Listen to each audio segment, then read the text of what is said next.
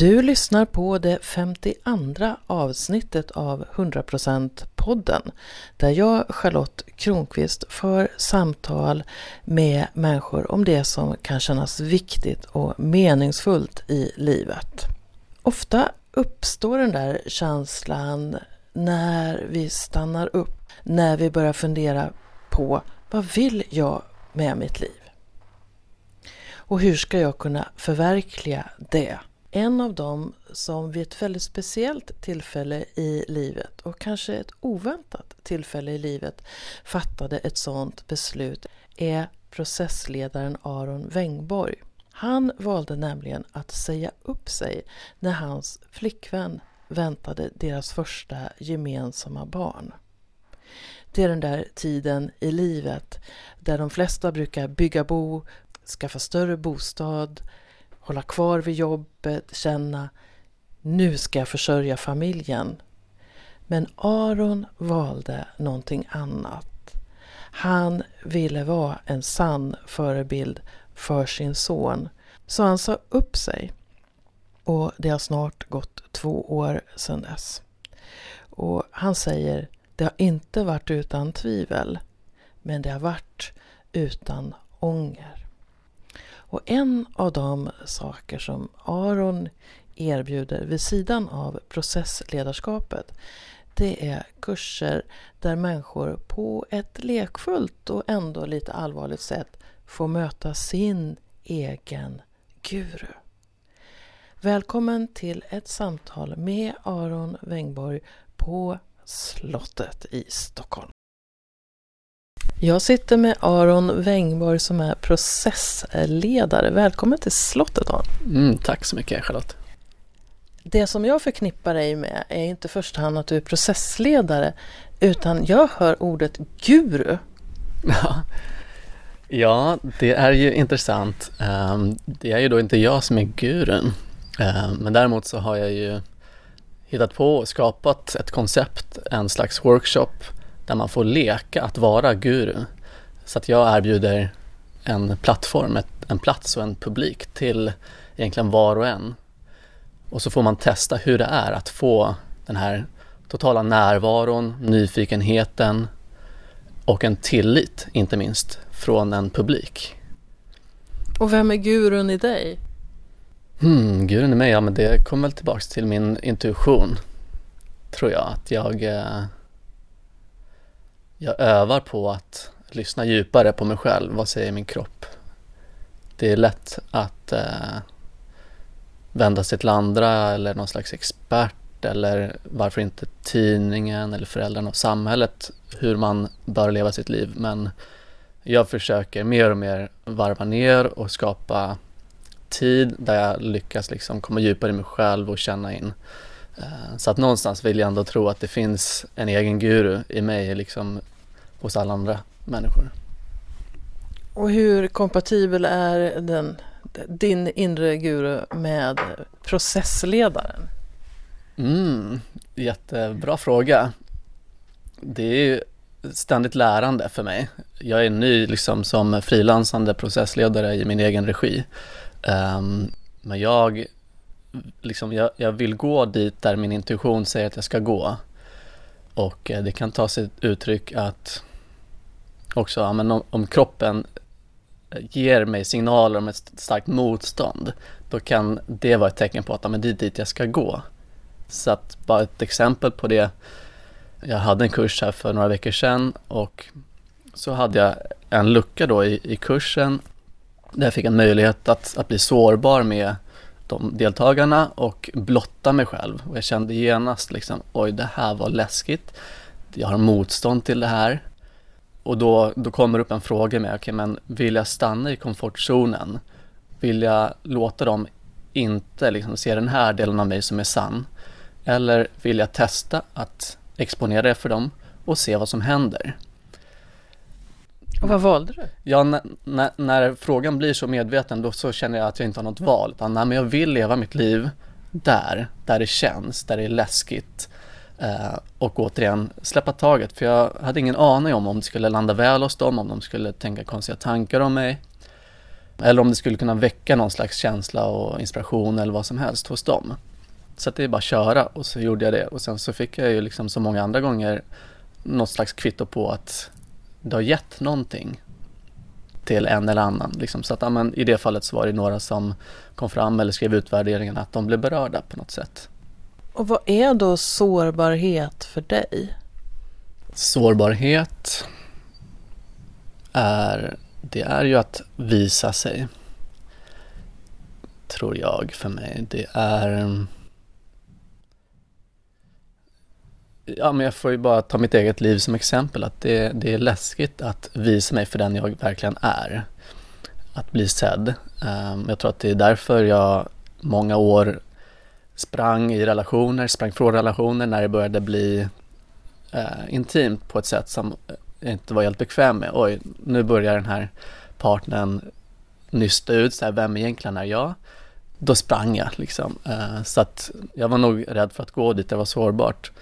Um, så att man kommer tillbaka till din fråga, sårbarhet är nog att låta sig själv bli sedd. Och då handlar det inte om, eller det kan ju i och för sig vara det man producerar men uh, jag tror att det är lätt att man visar upp symboler för sig själv. Att ah, jag har skapat det här projektet eller där, där. Och det, det kan absolut alla gånger vara sårbart om det är en spegling av en själv.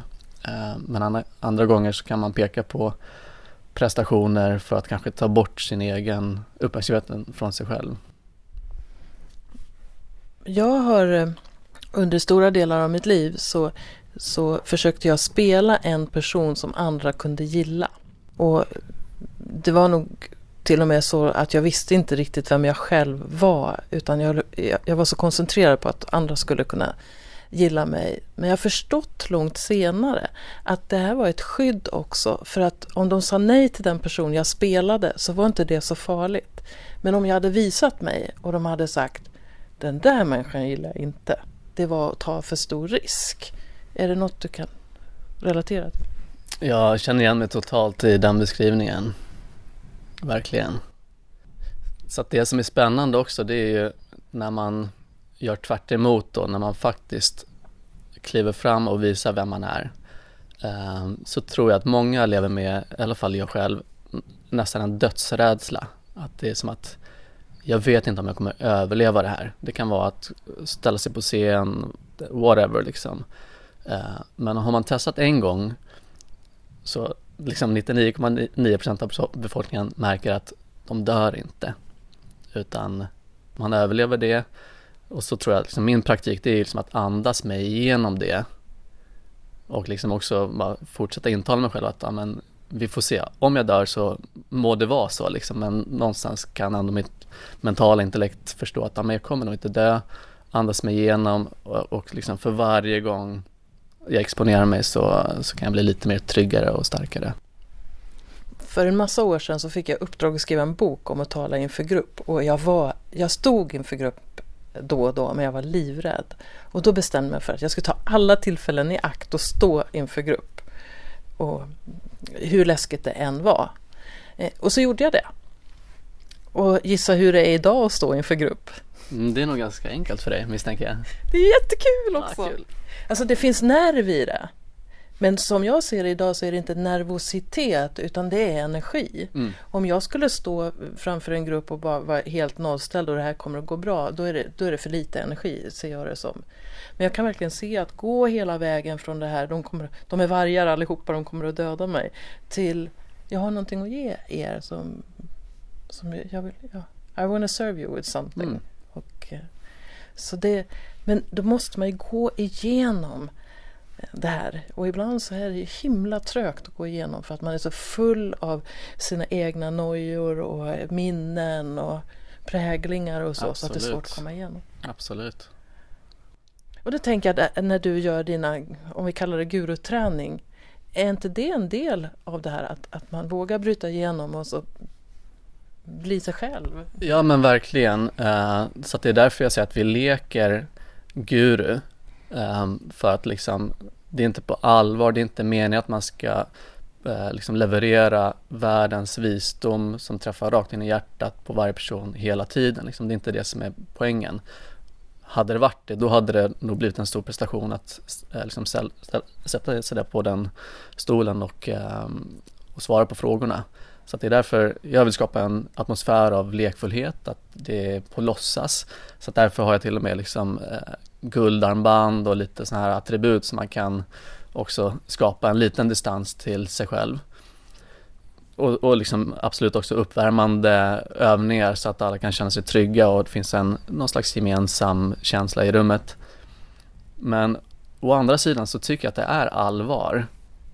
Just för att så som det är uppbyggt så, så kommer det frågor från åhörarna, publiken. Och det går inte att förbereda sig för det.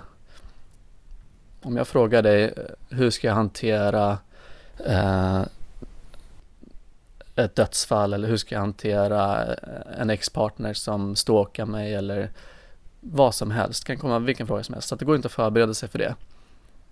Så att den allvarliga biten det är ju liksom att jag tror verkligen på var och ens eh, starka intuition och, och djupa visdom när man skalar bort de här tankarna som snurrar i huvudet. Så det är det som är vackert i, i det spacet. Jag tycker att det där med intuition är jättespännande. Och att, att våga följa den och att våga känna i, eller att lära sig att känna igen den också. Så hur vet du när, när det är din intuition som talar? Ja, det är inte lätt liksom, men jag har gått bet så många gånger. Alltså initialt, större delen av mitt tidiga vuxenliv så, ja, jag blev inte medveten om några signaler utan um, men jag minns specifika tillfällen när det verkligen knöt sig i magen utifrån ett beslut jag hade fattat och ändå så valde jag att alltså verkligen knyter sig i magen. Det är en sak att det kittlas och det är liksom pirrigt och det är det jag kallar motstånd, att oj det här var läskigt, men när det verkligen knyter sig då är det som att oj det här är inte rätt. Någonstans så handlar det väl om att liksom testa sig fram. Jag tror att alla fungerar olika, men att verkligen lyssna på vad kroppen säger. För att kunna, för det är så subtilt vad som är, som jag säger, det här som är fel, det, som, det kraftfulla motståndet kring det som är läskigt och pirrigt. Har du kunnat identifiera när du har sagt ja till någonting där det finns e, ett verkligt motstånd och du efteråt ser att det där valet kanske inte var så smart, det var inte intuitionen, det var någonting annat. Alltså finns det något gemensamt för det när du lockas över? Ja, det gör det och det, om jag ser i mitt liv så finns det olika faser i det. Eh, men en bit som är gemensamt är nog att det är intellektet som styr. Så att eh, det är som att om, om, man står inför ett val, liksom den här staden eller det jobbet eller vad det nu kan vara, så kanske det är lätt att sätta en, göra en lista på plus och minus. Jag tror att i många fall, i alla fall i mitt liv återigen, liksom så blev det intellektuella konstruktioner om, ja men den här karriärsvalet eller den här tjejen eller liksom den här bostaden är rätt, så på ett intellektuellt plan. Medan intuitionen jobbar ju inte där det intellektuella, det tror jag också ofta styrs av vad samhället säger är bra. Så att det finns starka konventioner och normer från samhället, vad de säger, eller samhället säger att hur man bör leva sitt liv. Det handlar givetvis om till exempel hur man framträder, alltså hur man klär sig, om man köper en bil eller bostad och, och så vidare. Även familj, ska man ha ett barn, två barn, tre barn, jag vet inte vad. Um, så det är en sån gemensam nämnare och sen så har vi alla föräldrar och folk i vår närhet som kanske har extra stor påverkan. Uh, så det har också jag, liksom de flesta, liksom drabbad av på ett eller annat sätt. Och det ser jag liksom först i backspegeln. Uh, det har kunnat gå många år innan jag förstår me vilka mekanismer som styrde de gångerna liksom inför något stort beslut. Jag har ibland eh, med skammens rodnad då, säger jag det nu, eh, sett att jag har fattat en del beslut som inte har varit så smarta utifrån smicker. Mm. Alltså, någon hör av sig till mig och säger Åh, jag har hört att du är en fantastisk skribent. Skulle du kunna göra det här? Och så har jag inte kollat på villkoren för det mm. och så har det liksom åh, inte blivit bra.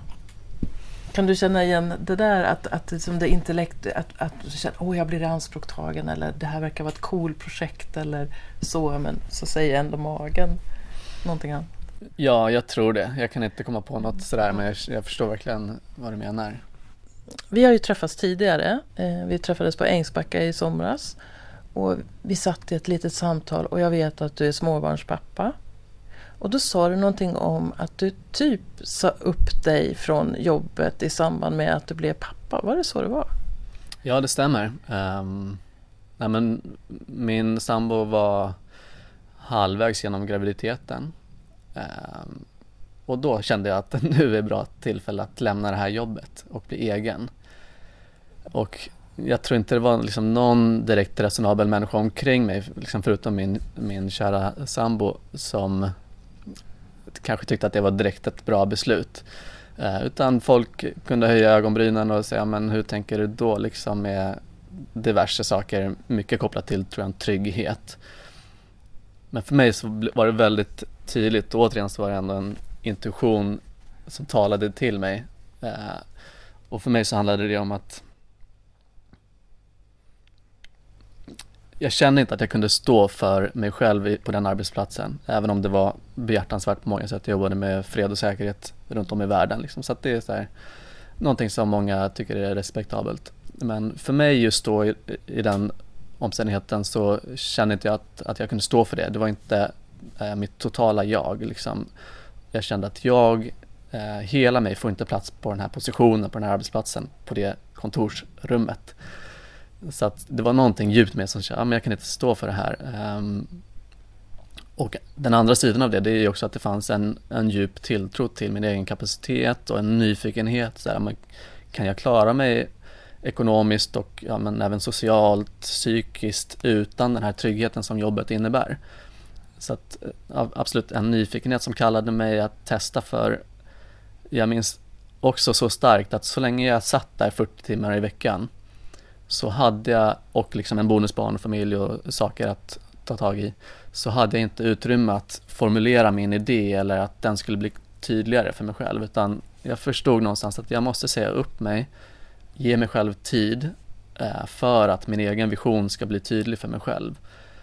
Så att det var det och varför den här timingen, jag kände också att amen, jag vill kunna vara total och stå för allting inför mitt barn.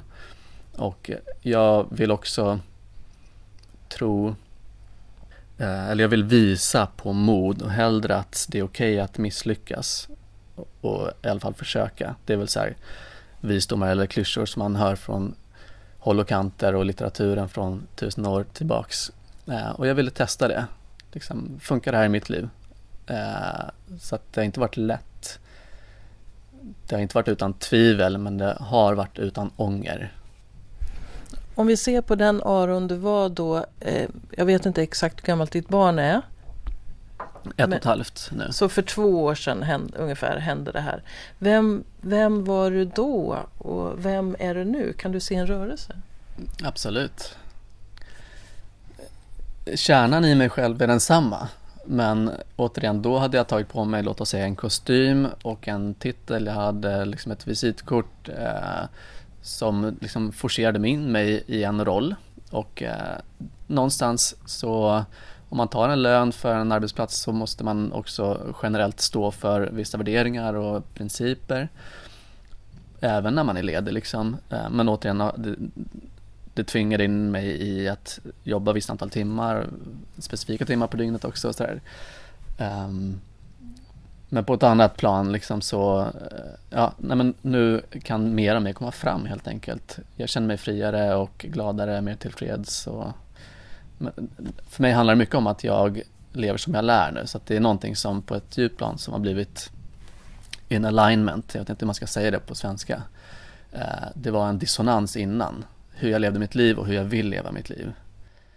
Så du mår i grunden bättre idag oh ja, när det finns det en konsekvens så att säga? Absolut. Otroligt mycket bättre. Men återigen, det är inte utan oro och sådär liksom. Men det är en del av, av också min praktik liksom att tillåta oron att finnas där och, och försöka komma i kontakt med en tillit istället. Ja, men Hur gör du då rent praktiskt? Ja. Eh, mediterar du eller ja, är det Ja, dels mediterar jag. Jag tror också på att uttrycka oron. Så att dels liksom att, att ha en förstående sambo är väldigt värdefullt eller kärlekspartner. Um, men också mansgrupp till exempel, vilket uh, är en viktig del för mig. Men det behöver inte vara en mansgrupp, jag har liksom andra grupper också. Men att kunna dela min oro och göra den synlig, då blir den genast mindre farlig, märker jag. Det är som att om jag behåller oron för mig själv, det är då den är som mest potent. Men om jag lyfter fram den, det är som att oron skyr dagsljus. Liksom den blir mindre eh, kraftfull när man släpper ut det i det fria.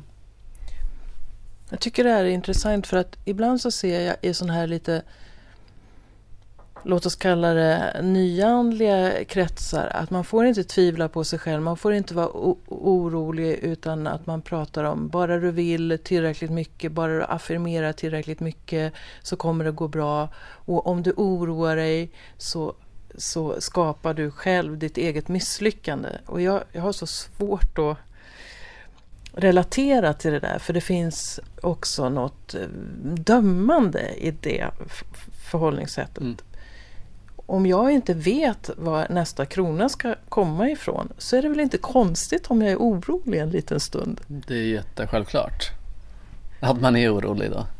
Precis, Nej, men jag funderar mycket på det där. Vad är det som gör att man ibland då så väldigt mycket som kör med det här. Det är, du, det är på något sätt, du är din egen lyckas smed.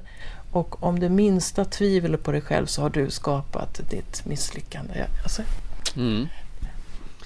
Ja, jag vet inte vad jag ska säga om det. Alltså, jag tror att det är lätt att, att skapa ytterligare en illusion. Liksom att fly från verkligheten ännu mer genom bara positiva tankar. Mm. Sen så Sen så vill jag gärna liksom se glaset halvfullt liksom, men, men det räcker inte någonstans. Det, det är mycket att eh, liksom en del av så som jag lever mitt liv och eh, en del av min filosofi det är liksom att förankra livet i nuet och häret. Liksom. Eh, att bli klar över det och det från min egen erfarenhet det det är så ofta som jag har velat leva på ett annat sätt så att jag har tankar i mitt huvud som snurrar att det borde vara på ett annat sätt. Och eh, många gånger så kunde jag kanske tro på att det är, att jag är där framme. Jag är nära drömmen, regnbågen eller sådär. Och andra gånger så insåg jag att ah, men det är inte alls det. Då blir det också en slags panik eller obehagskänsla att oj vad långt det dit. Så att en del av återigen min filosofi det är att förankra mitt medvetande också i här och nu. Hur ser det ut på riktigt? Är det okej? Okay? Vad kan jag vara tacksam för i det här? Och se att liksom, ska man upp på berget då måste man ta ett första steg vid foten av berget. Och det är okej. Okay. Precis, att man räknar stegen upp, inte bara när man står högst där uppe. Ja, det är som att man kan längta, att man ser kanske någon annan vandrare som är långt där uppe och önskar att man är där. Men så, så länge man önskar att man var där så man mår inte bra av det och man kommer inte närmre. Men däremot om man ser att ja, men det finns ju en stig hela vägen upp, jag klarar det om jag bara tar med mig en matsäck och lite vatten och knyter skorna ordentligt. Och då börjar jag med det här steget. Då, nu är jag ett steg närmre och nu tar jag ett steg till och ett steg till. Och, och den resan, liksom, om, man, om man kan lita på att man är på den resan. Man har grovt sett kanske riktat in sitt mål och tar de här stegen ett steg i taget. Då, då blir resan njutbar.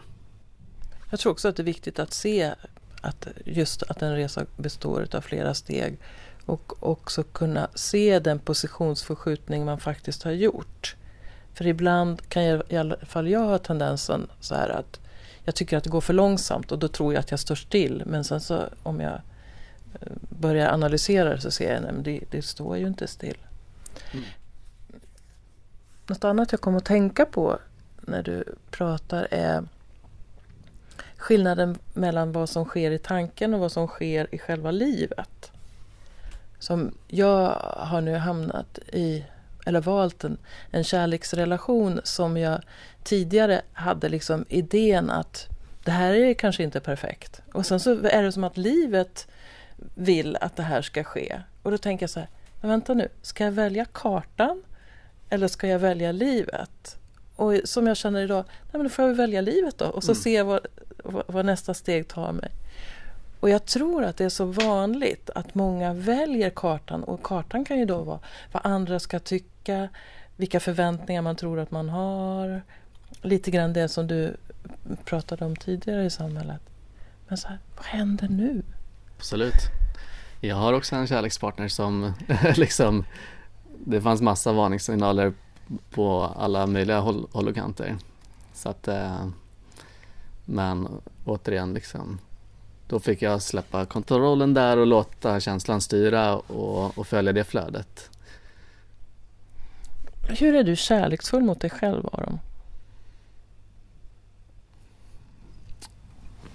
Ja, alltså, alltså jag har ju människor omkring mig som tycker att jag ska, eh, ja men liksom ut och kanske festa eller bara ge mig själv mer njutning, alltså typ åka go-kart eller vad som helst sånt där. Så att det tror jag är en komponent som jag gärna vill utöka i mitt liv, liksom den delen av kartan, eller av min, av min kaka. Um, men eh, jag är kärleksfull genom att ge mig själv, alltså bara tid i naturen till exempel, att eh, inte försöka pressa mig själv för mycket. Så att, ja, jag, jag försöker prioritera till exempel att bara gå ut och springa i skogen eller njuta som i morse, plocka blåbär med min son. Har du någon definition på vad kärlek är?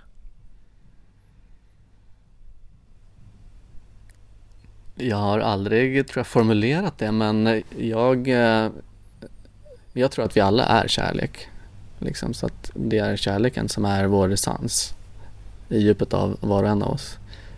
Det är när, liksom, när din och min essens möts på ett energimässigt plan då uppstår en, en gemensam känsla som också är kärlek. Eh, och det behöver då inte vara mellan kärlekspartners som har valt varandra utan det, det kan uppstå i ett liksom, föreläsningsrum, absolut med, med min son och så att det är, ja, det är när hjärtan möts någonstans. Det är härligt när du säger det så är det som att ditt ansikte lyses upp och sen så blir dina ögon som mer levande bara av att du säger det. Tack, jag kände det också faktiskt. Eh, Så det kan kännas också i kroppen. Jag menar att eh, mm, jag, tror, jag tror också att vi är att vi är kärlek, att kärlek är grunden för, för allt och för allt liv och, mm. och så. så. Ibland kanske man behöver krångla till det men ibland så behöver man inte det. Utan kärlek kan ju typ vara att säga jag tar ett andetag och fyller mig med liv Mm, för jag vill fortsätta leva. Så Mm. enkelt kan det vara. absolut. Händer det att du längtar efter någonting nu när du lever det här lite friare livet och har mer tid, mer eller mindre strukturerad tid kanske du har. Kan, kan du gå för din längtan och hur ser den ut då? Ja, jag längtar absolut. Ehm, jag längtar ju bland annat efter ehm, ja, men frihet, kanske en frihet kunna ehm, mm, ja, men men frihet att kunna vara lite mer spontan ibland. Eh, det, det är inte helt enkelt i en familjekonstellation. Eh, så Det är någonting som vi arbetar på och hittar bra sätt för det. Alltså då menar jag att ja, men, kunna bara smsa på kvällen och bara men nu går jag på bio. Liksom, det behöver inte vara något eh, och det, det är klart att jag kan göra det emellanåt men där tror jag att vi kan ha lite utvecklingspotential att bara liksom strukturera upp det.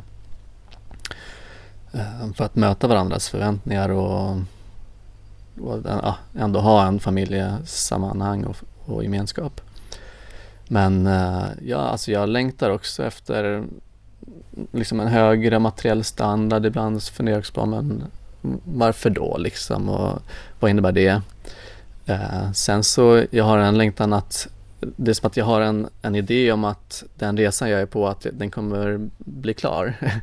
att jag kommer vara framme någon gång. Så att det är som att ibland så har jag längtan efter att bara spola fram bandet ett, två, tre, fyra, fem år och så att jag har en inbildning om att ja, men då kommer kanske då kanske kommer ekonomin flöda mer eh, tryggt, alltså förutsägbart och kommer kanske ha eh, uppdrag då på ett regelbundet sätt eller på ett specifikt sätt då, eller skapat en arena för mig själv på något sätt. Så att eh, det finns en längtan efter det och samtidigt så förstår jag att även om det skulle bli någonstans i närheten av det så kommer det finnas en annan längtan då till något annat liksom. Um, men det, det, är en del av livet och det är spännande tycker jag att, att leva på det här sättet. Jag, jag har ingen aning om vad som händer 2017 till exempel. Jag har ju idéer liksom. Jag har ju ett barnbarn som är ungefär lika gammal som din son. Och, eh, och han möter ju livet i närvaro hela tiden och jag brukar kalla honom för en av mina främsta lärare för, mm. jag tycker det är så häftigt att se ett barn upptäcka sig själv och världen på något sätt. Och, och jag känner att jag påverkas av den energin också så mer och mer vaknar jag på morgonen som ett barn. Här, Vad ska hända idag? Mm. Vad kan jag skapa idag? Och, och och jag tror att den, det är en, en, energi som i alla fall jag behöver, men jag tror också fler skulle kunna behöva den där, att, att man ser på världen utan cynism, utan ha ännu en dag mm. till. Ja, det är otroligt underbar energi barnen kommer med. All nyfikenhet och närvaro framförallt. Att liksom det, som, det är bara det här och nu som spelar någon roll. Och så går man till ett nytt rum, ja men då finns det en massa spännande saker att hitta där. Så det är underbart, jag inspireras också jättemycket av det. Och då tänker jag att det finns ju en, en härlig motsättning i att å ena sidan så här, önska, jag vill se när den här delen av resan är klar. Jag vill se det här huset byggt eller vilken bild man har. Jag vill se mig stå uppe på berget. Och samtidigt, det är ju liksom verkligen en målbild så. Och det, och samtidigt kunna vara i så här, åh, vad ska vi hitta för byggmaterial idag eller och jag vet inte riktigt hur man helt får ihop den här men jag, jag, tror att det är bra att ha tillgång till både och. För man, livet kanske blir väldigt svajigt utan alls någon idé om riktning. Ja, jag tror också på att hitta en balans där med både och. Alltså den där nyfikenheten, det ger en, tror jag, en spänning och det skapar en drivkraft också eller genererar liksom motivation. Men absolut, alltså det kommer tillbaks till det materiella liksom. Någonstans jag tror att om man har en dröm eller vision så, så är det bra att förankra den på något sätt och, och, och samtidigt med den här tilliten och nyfikenheten men ändå ha någon slags liksom rumslig och världslig medvetenhet så att man kan börja närma sig ditåt. Uh, och absolut för mig med barn, jag bonusson också, eh, att det är jätteviktigt med en trygghet och en förutsägbarhet för dem. Eh, så att de vet liksom hur deras kontext och värld ser ut, den är liksom mindre. Det är sällan Noah lämnar bagarmossen och, och, vi har våra rutiner med skogen och maten och allting. Det, det tror jag är viktigt i det skedet av livet. Mm. Vi kan lära av barnen och de kan lära av oss. Det finns ju en ömsesidighet där verkligen. Och... Ja, nej men återigen, de är läromästare på alla möjliga sätt. Jag kan ändå flika in också att samtidigt som jag, alltså jag skulle önska att jag kunde gå med i hans nyfikenhet och upptäckande och, och närvaro totalt, men det är verkligen inte lätt. Jag blir påkommen av mig själv många gånger per dag när, när mitt medvetande är någon annanstans och jag tycker att det är tråkigt och allt möjligt. Eh, så det blir också bara, det blir påminnare för mig själv, liksom att, ja, men vart, vart är du på väg nu och vad vill du göra av den här stunden och sådär. Så de som lyssnar kanske ska meditera lite ibland och titta på ett barn och, och se vad som händer i dem? Ja, alltså det kan ju verkligen vara en meditation att vara med barnet och då märker jag att då blir det ofta mer lättsamt för mig. Då blir det liksom mer smärtfritt att, att leka de här lekarna som man har gjort många gånger. Eh, för man vet aldrig vad som kan ske i deras värld. Du har ju två söner eh, kan man säga, en mm, bonusson och en, en till son. Och sen så är du man själv och du nämnde lite förbegående mansgrupp. Hur, hur viktigt tycker du att det är att män möts tillsammans och delar saker? Ja, jag har märkt i mitt liv att det är jätteviktigt. och jag tror, det behöver inte vara sådana konstellationer men eh, vi har lyckats skapa en, en väldigt trygghet och eh, öppenhet och högt i tak och det, det vi gör det är ju att dels vara sårbara och, och, och där jag märker att jag själv och många andra män har en särskild rädsla att vara sårbara med andra män. Så att det är väldigt helande i sig att, att skapa den här tryggheten och kunna öppna sig för dem. Men en annan viktig komponent är att få spegling och få den här feedbacken och få hjälp att fatta sina beslut. Så att jag vill lägga mer tillit till dem, att liksom de ser vart jag är på väg och vart jag drömmer om och mina kapaciteter. Och de hjälper mig verkligen att fatta stora och viktiga beslut. Så att liksom jag och en kompis där vi skämtade om att, ja men hur levde vi förut utan vi hade den här mansgruppen? Ja just det, det blev ju liksom, det var ju knas hela tiden. Så, alltså konstiga beslut fattade och förvirring och så vidare. Det, mycket av det kan man liksom lägga över på gruppen så får de ta hand om det. Det låter skönt. Det är jätteskönt. Om vi tänker oss att, att vi har en eh, person som känner jag är i ekorrhjulet. Eh, de är lite grann där, där du var. Eh, när du kände att du kunde inte vara riktigt fullt ut på ditt jobb och, och sådär.